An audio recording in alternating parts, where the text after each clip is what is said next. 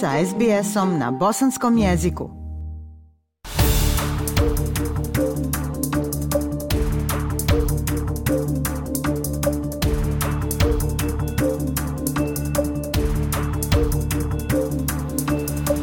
Slušate SBS program na bosanskom.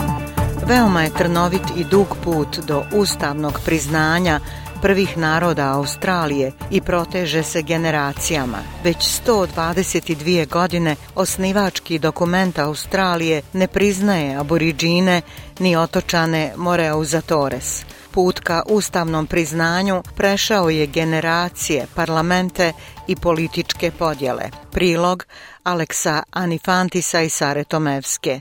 Aboriđini i otočani Moreuza Torres oduvijek su vodili borbu za ustavno priznanje u Australiji. Nakon što je na referendumu 1999. propala predložena promjena za ustavno priznavanje prvih naroda, ideja je odložena na osam godina. 2007. tadašnji premijer John Howard taj prijedlog je učinio dijelom svoje reizborne kampanje. If I'm reelected, I will put to the Australian people Ako budem ponovno izabran, donijeću australskom narodu u roku od 18 mjeseci referendum za formalno priznavanje autohtonih stanovnika Australije u našem ustavu. Ali na izborima je pobjedio laburista Kevin Rudd Ovu historijsku izjavu dao je godinu dana kasnije. For the pain, suffering and hurt of these stolen generations, their descendants and for their families left behind –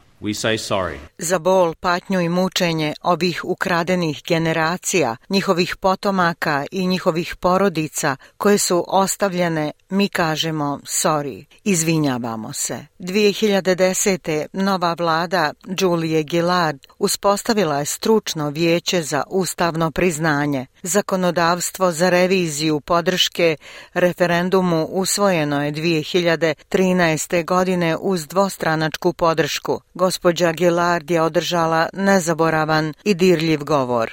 No gesture speaks more deeply to the healing of our nation's fabric Nijedan gest ne govori dublje o ozdravljenju tkiva naše nacije od izmjene osnivačke povelje naše nacije, tako da preporučujem ovaj prijedlog zakona domu. Ipak referendum nije održan. Dvostranački sastanak sa vođama autohtonih naroda 2015. godine ponovo je rezultirao obećanjem za ustavnu reformu. Ovog puta riječi su stigle od tadašnjeg premijera Tonija Abota.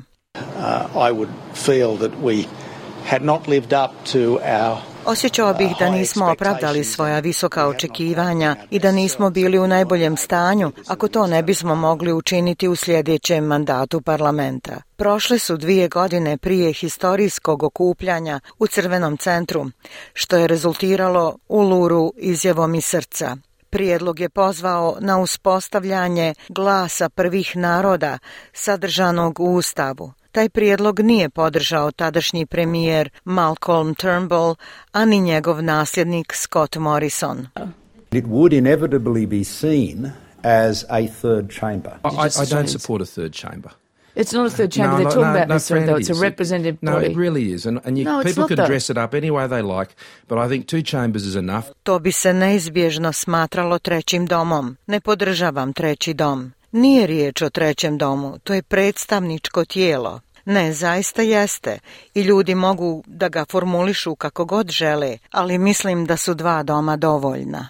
Ali prošle godine, 2022. laboristi su došli na vlast sa ovim ključnim obećanjem lidera stranke Antonija Albanizija.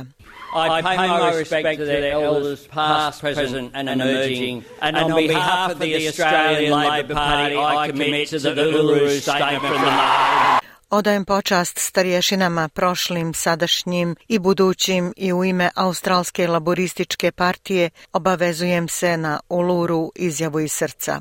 Dva mjeseca kasnije premijer je predložio nacrt pitanja.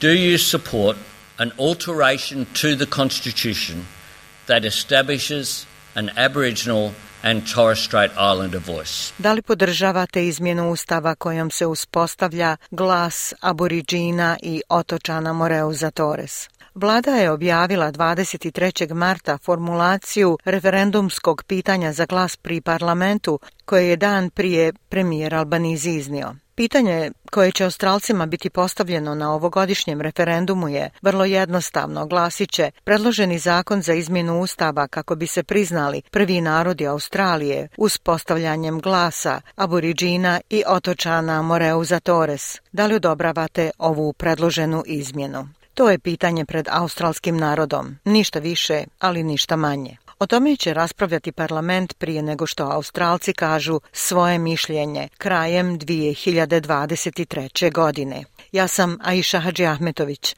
Ostanite uz SBS program na bosanskom jeziku. Like, share, comment. Pratite SBS Bosnian na Facebooku.